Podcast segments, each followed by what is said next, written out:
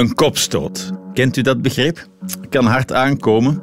Uh, maar in Nederland betekent het ook zoveel als gewoon een pittige borrel. Een biertje met een glaasje Genever erbij. Wellicht eentje van Bols, toch? Over dat bekende Genevermerk en de ingewikkelde familieperikelen achter de schermen schreef Martin Hendriksma een boek, Het geheim van Bols. Dat probeer ik samen met hem te ontwarren. Dit is Voorproevers. Ik ben Bent van Looy. Voorproevers. Bols Genever. In Nederland is het natuurlijk een begrip. Ook internationaal, maar in België, Martin Hendriksma, is Genever niet wat het bij jullie is. Nog niet. ja, dat zou kunnen. Is, is het in opmars? Nou, niet zozeer als, als jenever, hè, niet, niet in pure vorm, maar mhm. in andere vorm, gemengd in cocktails, zie je dat het gebruik eigenlijk wereldwijd volgens mij uh, sterk uh, toeneemt. Mhm. Dus ik neem aan dat het ook in België langzamerhand uh, groter wordt. Oké, misschien moeten we even duidelijk schetsen, wat is jenever precies? Dat is een drank die op mysterieuze wijze wordt uh, gemaakt uit, uit graan aangelengd met spiritus en andere uh, ingrediënten.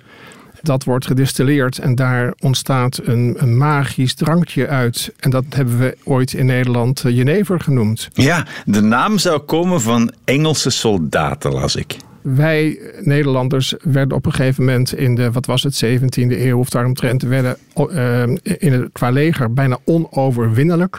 Omdat al onze soldaten vooraf uh, een glaasje, misschien wel twee of drie, mm jenever dronken. Dat was een soort toverdrank, als het ware, net zoals uh, Asterix en Obelix dat, dat hadden.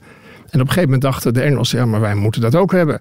Dus die hebben toen ons, onze geheime uh, jenever recepten naar Engeland gesmokkeld. En daar vonden ze Geneva een beetje een lastig woord. Zeker als je dat natuurlijk op uh, moest uitspreken of moest bestellen als je er al een paar op had. Ja. Dus, daar werd, het werd, dus dan zat je met de gin, gin dus toen werd het gewoon gin. Dus, de, dus de Engelsen hebben eigenlijk onze Jenever gejat en het een andere naam gegeven. Je bent dus inderdaad naar, naar die stokerij van Bols gegaan. Daar hebben ze natuurlijk een enorm archief. Hoe kwamen zij daarin gerold? Nou, zij hebben op een gegeven moment, uh, hebben zij al, al in de 17e eeuw, hebben zij zeg maar zelf, ik denk gewoon uh, uitgeprobeerd wat, wat de beste vorm van die jenever was. En toen hebben zij een formule gevonden, een geheime formule, waardoor hun jenever eigenlijk wereldwijd eh, beroemd werd, omdat hij um, ja, een betere naam had dan, dan, dan, ja, bekender, en, maar ook beter smaakte dan andere jenevers. En dat werd natuurlijk in de marketing enorm uitgevent. Hè. Je moest dan geen gewone jenever hebben, maar je moest bols jenever hebben. Dus, dus ja, uh, de, het merk deed het hem ook natuurlijk. En heb je een idee wat die geheime ingrediënten dan zijn? Dat is nog steeds een heel groot geheim. Die geheime recepten liggen nog steeds in de kluis van Bols. En daar mag niemand bij. Want als iemand natuurlijk die, die recepten zou jatten, dan zou het met Bols zijn gedaan. Ah ja, maar we moeten ons voorstellen, denk ik, kruiden, specerijen, dat soort dingen. Hè? Ja, wij Nederlanders hadden uh, in die tijd de Verenigde Oost-Indische Compagnie. Indonesië was toen nog van ons, Nederlands-Indië heette dat destijds. Dus wij hadden uh, het recht om heel veel van die specerijen naar Nederland te halen. En Lucas Bols was een aandeelhouder in die VOC, dus hij had als het ware een van de eerste rechten om dan de beste specerijen zelf achterover te drukken. En die um, te gebruiken om zijn jenever eigenlijk uh, op, op, smaak te, te krijgen en te houden. Ja. Uh, we hadden het er net over dat Genever in België niet diezelfde reputatie heeft als bij jullie in Nederland. Ook niet zo vaak gedronken wordt. En dat uh, vond ik heel opmerkelijk. Heeft alles te maken met de scheiding der Nederlanden. Hè? Het Calvinisme dat in het noorden opkwam en, en de katholieken die hier beneden beneden achterbleven. En dat heeft iets te maken met de productie van Geneve, dat die bij jullie eigenlijk van de grond is gekomen. Ja, het werd op een gegeven moment eigenlijk van, door, vanuit Rome, door de paus, min of meer uh, verboden. Omdat men uh, toen inzag uh, in de 17e eeuw dat het drinken van jenever eigenlijk onvermoede um, gevolgen kon hebben voor degene die het opdronk, mm -hmm. namelijk dronkenschap. En um, de paus verordoneerde dat, dat het eigenlijk niet meer uh, mocht worden gemaakt. En uh, wij, protestanten, zeg dan maar even gemakshalve, wij dachten daar iets genuanceerder over. Uh, van ons mocht je dat best gaan produceren, mits je het maar met enige mate uh, uitventen. Dus, dus, dat, dus vandaar dat de hele jeneverproductie, die eigenlijk, uh, het drankje is eigenlijk in de buurt van Keulen ontdekt, mm -hmm. dat die op een gegeven moment noordwaarts verhuisde. En vandaar dat eigenlijk op een gegeven moment Amsterdam het, het centrale, uh, de centrale stad werd in de jeneverproductie. Ja, en ook een van de belangrijkste handelssteden van die tijd. Uiteraard. Ja, ja, ja. Ik las in je boek bijna driekwart van de Nederlandse alcoholconsumptie bestaat eind 19e eeuw uit Genever. Een volwassen man drinkt gemiddeld een halve liter per week. Ja. Dat waren nog eens aantallen. Ja, ja, ja, dat is best veel. Dat is natuurlijk gigantisch veel. Er was een enorm probleem dat een groot deel van de arbeidersbevolking... die raakte op een gegeven moment verslaafd aan die drank... die ook allemaal natuurlijk illegaal werd gestookt. En um, er kwam steeds meer verzet eigenlijk vanuit allerlei antidrankcomité's uh, uh, tegen het gebruik van jenever. Uh, vooral ook vanuit de opkomende socialistische zuil. Dus er werden op een gegeven moment ook eind 19e eeuw, begin 20e eeuw allemaal um, wetten aangenomen om, ja, om, om drankmisbruik, vooral onder de arbeiders, ja, te beteugelen. Ja, Jij bent eens gaan kijken niet naar de geschiedenis van Geneve, daar kunnen we overal wel uh, terugvinden, maar wel naar die bijzondere familie achter het merk Bols. Hè?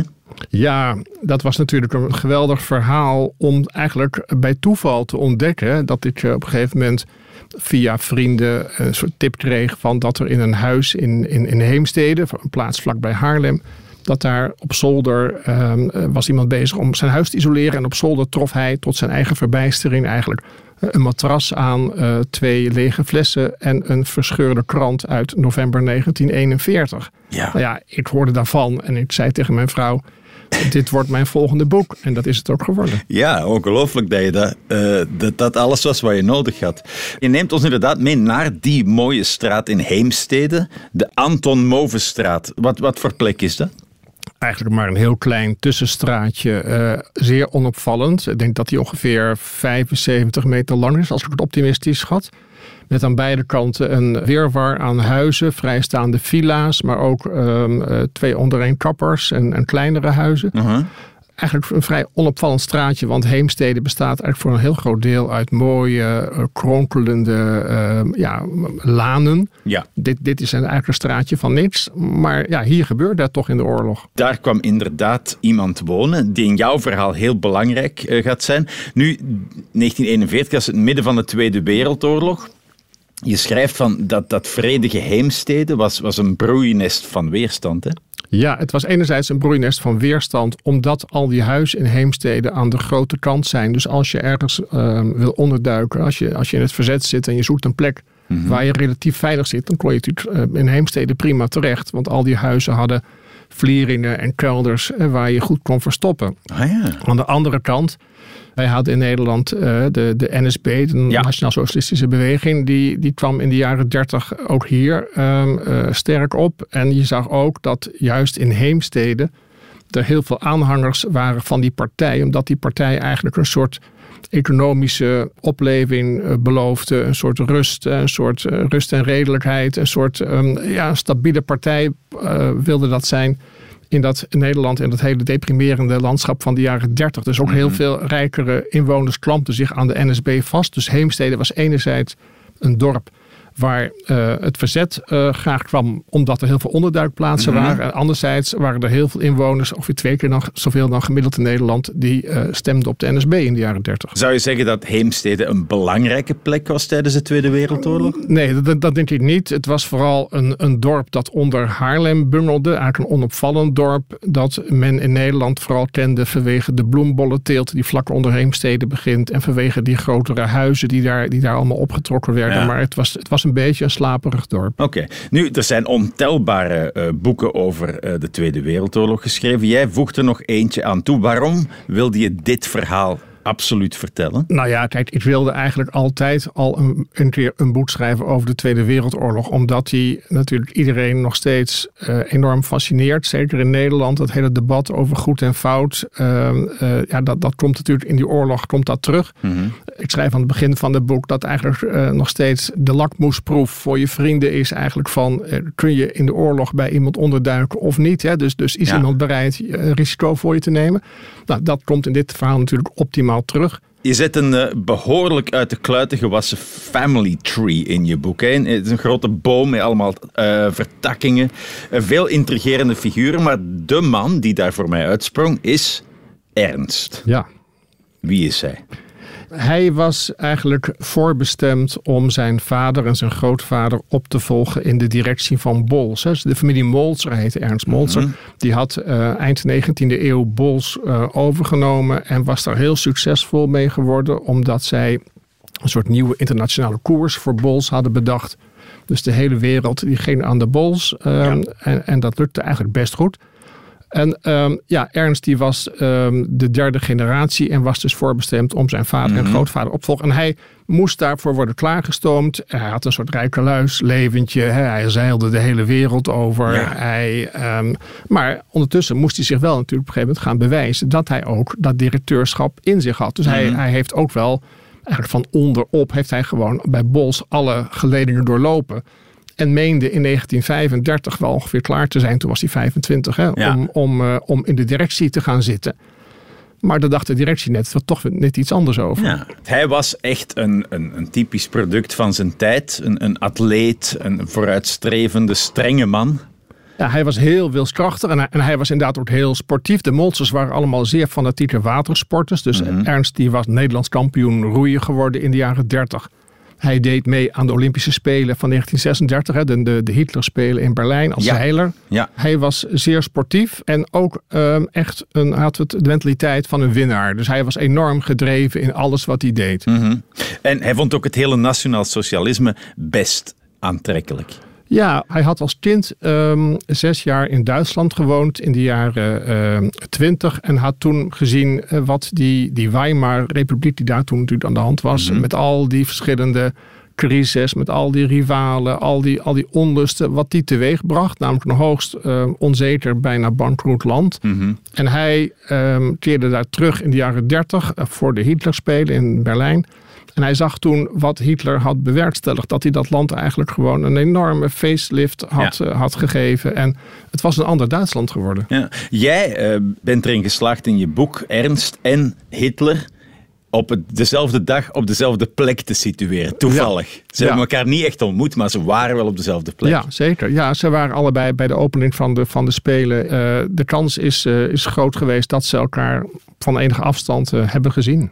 Denk je dat het alleen het economische was wat hem daarin aansprak in die beweging? Of, was het ook die lichaamscultus en dat hele Germaanse idee? Ik denk alles. Ik denk dat hij zich wild heeft geërgerd als, als- kind. Hè, dat, dat toen hij in Duitsland woonde als puber, eh, dat, dat dat land zo ver was afgegleden. En dat hij die economische boom die Hitler veroorzaakt echt heeft omarmd. En alles wat daarbij kwam kijken, dat, dat, dat opnieuw zelfvertrouwen dat Duitsers, dat Duitsers kregen. Dat paste helemaal in zijn straatje, denk ik. In 1933 wordt de NSB, de collaboratiebeweging in Nederland, opgericht. Telt binnen het jaar 20.000 leden. En eh, een van die 20.000 is inderdaad juist Ernst. Hè? Iemand die hem goed heeft gekend, eh, die heeft later verklaard dat hij zich daar eh, graag bij aansloot. Inderdaad, vanuit de gedachte dat, dat als Duitsland ja, die een, revival zou gaan doormaken, waar hij natuurlijk op hoopte dat hij ook zou overslaan naar Nederland Ja. en naar België.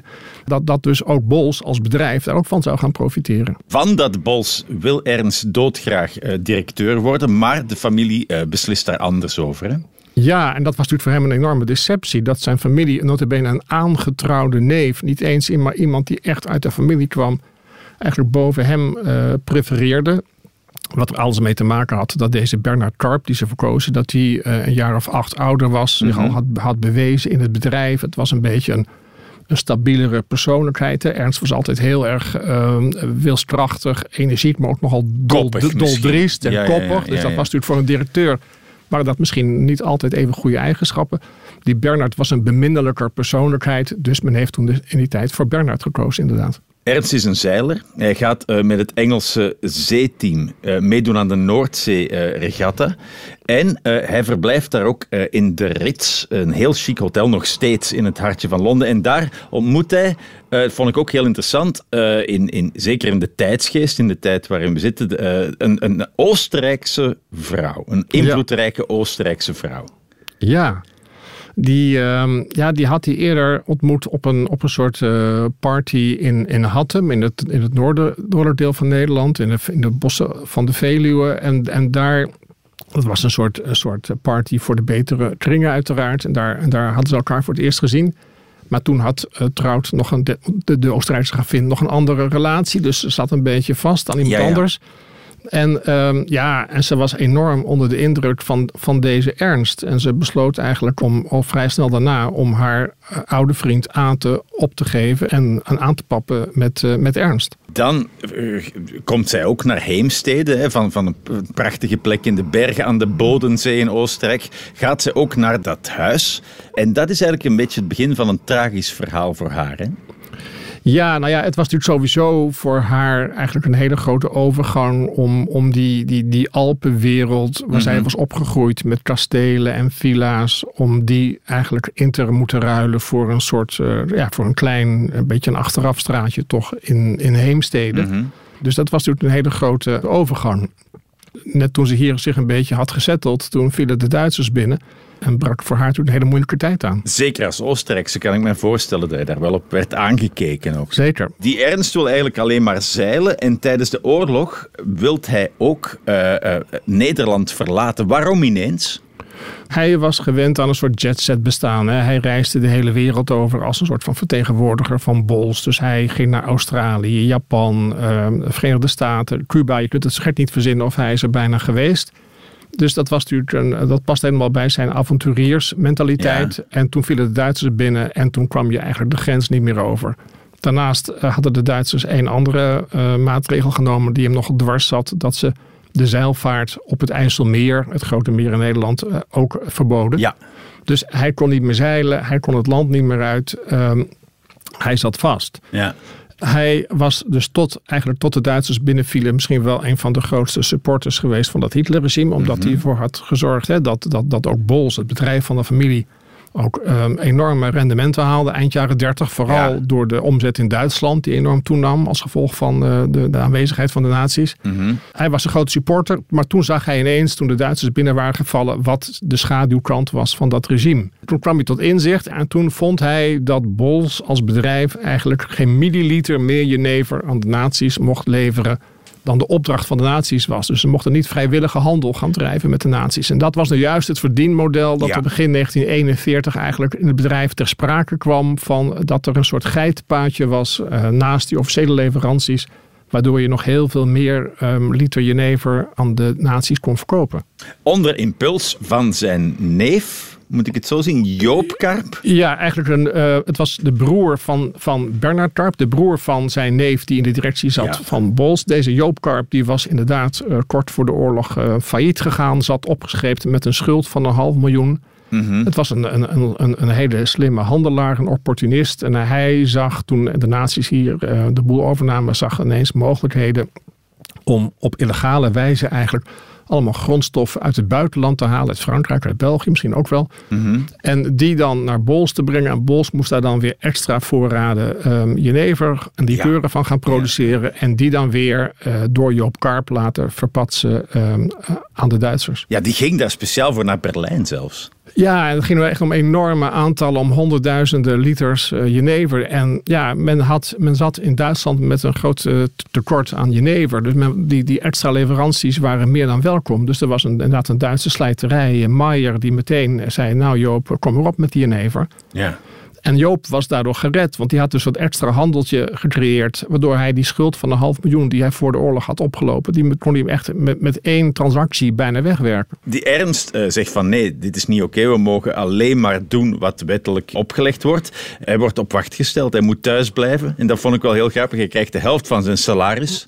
Maar ook elke maand twee flessen Genever. Ja, dat kreeg eigenlijk iedereen eh, die, die bij Bols werkte standaard eh, als extra toelage op het salaris. En dat was natuurlijk eh, prettig, zeker in oorlogstijd, omdat het ook een heel goed ruilmiddel was tegen Ah, ja. andere etenswaren. Het was natuurlijk een zeer gewild product in die tijd. Twee flessen Genever zijn niet genoeg om, om Ernst tevreden te houden. Hij, wil- hij wil echt weg. En als ervaren zeiler denkt hij van oké, mijn weg is natuurlijk via de zee. Ja, hij eh, gaat in de zomer van 1941 gaat hij een paar andere zeilers benaderen van wil je misschien met mij mee naar Engeland om aan het regime van de nazi's te ontsnappen. Uiteindelijk weet hij twee andere mannen bereid te vinden om dat met hem te gaan doen. Ze hebben een bootje al eh, voorhanden, de OZO. Ja. Dat staat voor Oranje zal overwinnen. En met dat bootje eh, steken ze ehm, op 14 november 1941 vanaf Egmond aan Zee aan de kust van Noord-Holland steken zij van wal en gaan de Noordzee op. Ja. En? En komen niet aan. Dat is natuurlijk het hele mysterie van je boek. En ondertussen zit zijn vrouw natuurlijk thuis. Die mocht niet mee en die had er enorm de pest over in dat hij überhaupt vertrok. Want zij hadden sinds mei van dat jaar een klein kindje gekregen, een dochtertje van Ja. een paar maanden. Die Oostenrijkse gravin waarmee die was getrouwd, dat was nou niet echt een doorsnee huisvrouw. Die hield van het uitgaansleven en, en, en, en, en van luxe. En het uitgaansleven ook bij zichzelf dan maar in huis haalde. Ja, en die bij zichzelf dan maar gewoon thuis in de Ja, woonkamer allerlei Een soort feesten. club. Ja, een soort club, een soort soirées organiseerde. Ja, ja, ja. Waar dan de buurtbewoners en wat Heemsteedse notabele en halve verzetsmensen allemaal welkom waren. Om met haar dan eh, ja, een feestje te vieren. Haar man is eh, weg. Wat zijn eigenlijk de kansen voor wie er op een vriesnacht met een zeilboot naar, naar Engeland vertrekt? Op dat ogenblik in de geschiedenis. Maar een heel klein percentage van die Engelandvaarders, die heeft, ehm, zoals wij in Holland werden genoemd, hè, mensen die in de Ja, oorlog ja. naar Engeland vluchten, zijn daadwerkelijk in Engeland aangekomen, omdat er natuurlijk hele grote risico's waren. Ehm, je moest natuurlijk door de Duitse kustwacht heen, die heel erg eh, aanwezig was. Daar waren er voortdurend natuurlijk nog eh, vliegtuigen die overvlogen, die wel eens een bommetje wilden droppen. Dus het was gewoon heel gevaarlijk om op zo'n koude eh, winternacht die Noordzee op te gaan. Maar Ernst was wel een, Een zeer hele goede zeiler natuurlijk, En, ja, ja. en, en een van zijn maten aan boord, die was eh, Nederlands kampioen nachtzeilen geweest. Dus ook geen- bepaald geen beginneling. Dus hij moet hebben gedacht in zijn wellicht overmoed. Nou, dat redden we wel. Ja. Eh, er komt geen bericht vanuit Londen. Eh, en, en op donderdag 24 april 2003 komt er eindelijk uitsluitsel. hè? Ja, tenminste, toen gingen een paar vissers eh, de Noordzee op en die waren aan het vissen en die haalden dus een, een, een kaak omhoog, een onderkaak. De meeste vissers in Nederland die dat doen, die gooien die kaart of die gooien zo'n bot dan weer meteen overboord. Want dat betekent altijd eh, ellende, want je moet er iets mee. Maar dit was aan- niet zomaar een kaak, het was die stevige, hoekige kaak van, van Ernst Ja, maar dat wisten ze toen, toen natuurlijk niet. Dus ze hebben toch maar besloten, dat, dat zijn, daar ben ik ze natuurlijk onstiegelijk dankbaar voor, om die kaak inderdaad aan boord te houden. Eh, die kaak met een paar gouden kiezen erin. En, en werkelijk waar een van de mooiste kaken van, van het westelijk halfrond. Besloten ze gewoon eh, mee te nemen en bij de politie in te leveren. Ja, maar dat was in 2003. Ja. En de politie had toen nog niet de beschikking over uitgebreid DNA-onderzoek. Dus ze hadden, ze hadden een, een juweel van een kaak. Maar ja, van wie was die? En dat is dan uitgezocht, hè? Ik heb contact gezocht met het bureau Vermiste Personen Mhm. Noordzee, een onderdeel van de Nationale Politie in Nederland. En ik, had, omdat ik wilde weten wat er nou met die lichamen eh, op zee gebeurt. En ehm, ik sprak met, de, met een gepensioneerd coördinator daarvan. En die zei: Ja, maar mijn opvolger heeft ook wel interesse in dat verhaal. En ik vertelde dat verhaal en over die verdwenen eh, drie mannen. En, Mhm. en over Bols, wat er allemaal achter zat. Dat ze in het verzet waren gekomen tegen de Duitsers. Nou, hij wilde wel voor mij onderzoek gaan doen. En ik had voor mijn eigen boek, had ik, voor mijn eigen onderzoek, had ik heel veel contacten gelegd met de families. Ja. Ik heb toen die families ervan overtuigd, samen met de politie. Om DNA-materiaal af ja, te staan. Precies, ja. precies. Ja, ja. Eh, dat is eigenlijk ongelooflijk dat zoiets gebeurt, hè? Dat, er, het- dat er zo'n naald in een hooiberg eh, naar boven komt. De Noordzeebodem telt iets van 750.000 vierkante kilometer. Ja. Dus het is natuurlijk moeilijk zoeken. Het is echt een naald in een hooiberg. En daarnaast, wat natuurlijk ook nog heel eh, toeval is, dat het, dan, ehm, dat het dan ook nog de kaak is die wordt gevonden. Want de familie Molzer en zeker Ernst stond bekend om hun geprononceerde Precies. kaaklijn. Dus Ja. dat dan net die kaak ook is blijven hangen aan een vissersnet, dat is natuurlijk heel bizar. Mhm. Bijna te mooi om waar te zijn. Ja. Eh, dus we weten hoe het met, met onze Ernst is eh, afgelopen. Zelfs de ervaren zeiler heeft de overkant niet gehaald. Hoe is het eigenlijk met het bedrijf verder gegaan? Want, want na de oorlog zullen daar toch wel repercussies geweest zijn. Ja, het liep met het bedrijf bepaald niet goed af. Zij waren natuurlijk net als andere zakenlieden eh, opportunistisch. Dus ze hebben eerst gedacht van we moeten met die naties gaan samenwerken, Mhm. want dat kan ons extra geld bezorgen. Eh, aan de andere kant zagen ze ook, eh, zeker na 1943, toen de kans in de oorlog keerde en de Duitsers in Rusland werden teruggedrongen. Toen zagen ze ook wel dat ze moesten zorgen dat ze ook een beetje aanpapten met het verzet. En dat hebben ze ook gedaan. Ja. Dus Die hadden ook Genever nodig natuurlijk. hadden ook Genever nodig. En eh, ze hebben ook eh, allemaal eh, voedseldistributie gezorgd in de eigen fabriek. Dus ze hebben ook zeker goede dingen gedaan. Maar als je zeg maar dan per saldo bekijkt wat, wat naar de rol van Bols in de oorlog. En dat vond ook zeg maar, het oorlogstribunaal net na de oorlog. Dan waren ze gewoon toch wel behoorlijk fout geweest. En daar moesten ze voor boeten. Maar het is Bols ondertussen, weten we, best voor de wind gegaan. Ja, maar ze hebben wel, wat, wat betreft de directie, hebben ze best van ver moeten komen. Want er waren twee directeuren in de oorlog. De ene directeur heeft zich eigenlijk in, eh, in 1945, een paar maanden na de oorlog, op de zolder van Bols door het hoofd geschoten uit, Hmm. uit Vroeging. De andere directeur, eh, Bernard Karp, die dus ooit de rivaal was van Ernst, die, heeft, ehm, die is tot drie jaar zelf veroordeeld. Maar die had allerlei relaties in hoge kringen. En die is, eh, nou ja, kort voor die gevangenisstraf moest ingaan, is hij naar Zuid-Afrika gevlucht. En heeft nooit een dag van zijn straf uitgezet. Nee, die is hem nog kwijtgescholden door de koningin zelf. ja, ja, Ja. precies. Ja. Dus eh, ja, dan heb je zeker vrienden in, op hoge plekken. Eh, nu, zo bedrijven die tijdens de oorlog bedenkelijke dingen gedaan hebben, zo zijn er wel een paar. Er zijn heel veel bekende bedrijven die tamelijk ongeschonden uit die periode gekomen zijn. Het was eigenlijk meer, eh, meer regel dan uitzondering natuurlijk. Dat je met de bezetter had te verhouden. En dat je dus soms ook wel eh, deals sloot wa- wa- waarvan wij nu denken... nou, dat zouden we misschien anders hebben willen zien. Maar eh, dat heeft Bols ook gedaan. Wat mij bij Bols verbaasde en wat mij ook intrigeerde... en wat, was ook, wat mij ook motiveerde... was dat ze er eigenlijk nooit voor uitgekomen zijn. Ja, en dat het geen deel uitmaakt van hun verhaal. Tot nu. Als er naar wordt gevraagd, dan geven ze wel eh, met enige terughoudendheid daar antwoord op. Maar, maar ze hebben zelf nooit de aanvechting gehad om dat, om dat uit te zoeken, om iemand aan het werk te zetten, om dat verhaal te vertellen. Voelde jij je eh, tegengewerkt door, door het bedrijf of, of niet? Nou, ik had het gevoel dat ze er niet op zaten te wachten wat ik deed. Ik heb, ik heb eh, op een gegeven moment contact gezocht met een, met een soort historicus die op freelance basis dan voor Bols wel eens onderzoek deed als er vragen over kwamen. Ik moest van hem toestemming vragen aan de directie. En ik heb eigenlijk van de directie nooit zelf direct iets gehoord. Maar ik hoorde dan via hem dat het min of meer goed was dat hij met mij eh, op, in zijn eigen uren dan dat hij mij ging helpen. Dus het was nooit. Dat was niet vanuit een behoefte om schoon schip te maken. Totaal niet, totaal niet. Nee, nee, nee, totaal niet. Nee. Eh, ook als je op de website van Bols kijkt, zie je een heel overtuigend gelikt verhaal hè, over die 450 jaar of zo geschiedenis van het bedrijf. Wat ze allemaal wel niet gedaan hebben, hoe belangrijk ze waren en, en hoe, hoe, hoe, hoe, hoe, hoe smakelijk die drank is. Maar ehm, er zijn wel vijf belangrijke jaren die in die geschiedenis eh, ontbreken. En dat zijn de jaren van de Tweede Wereldoorlog. Ja.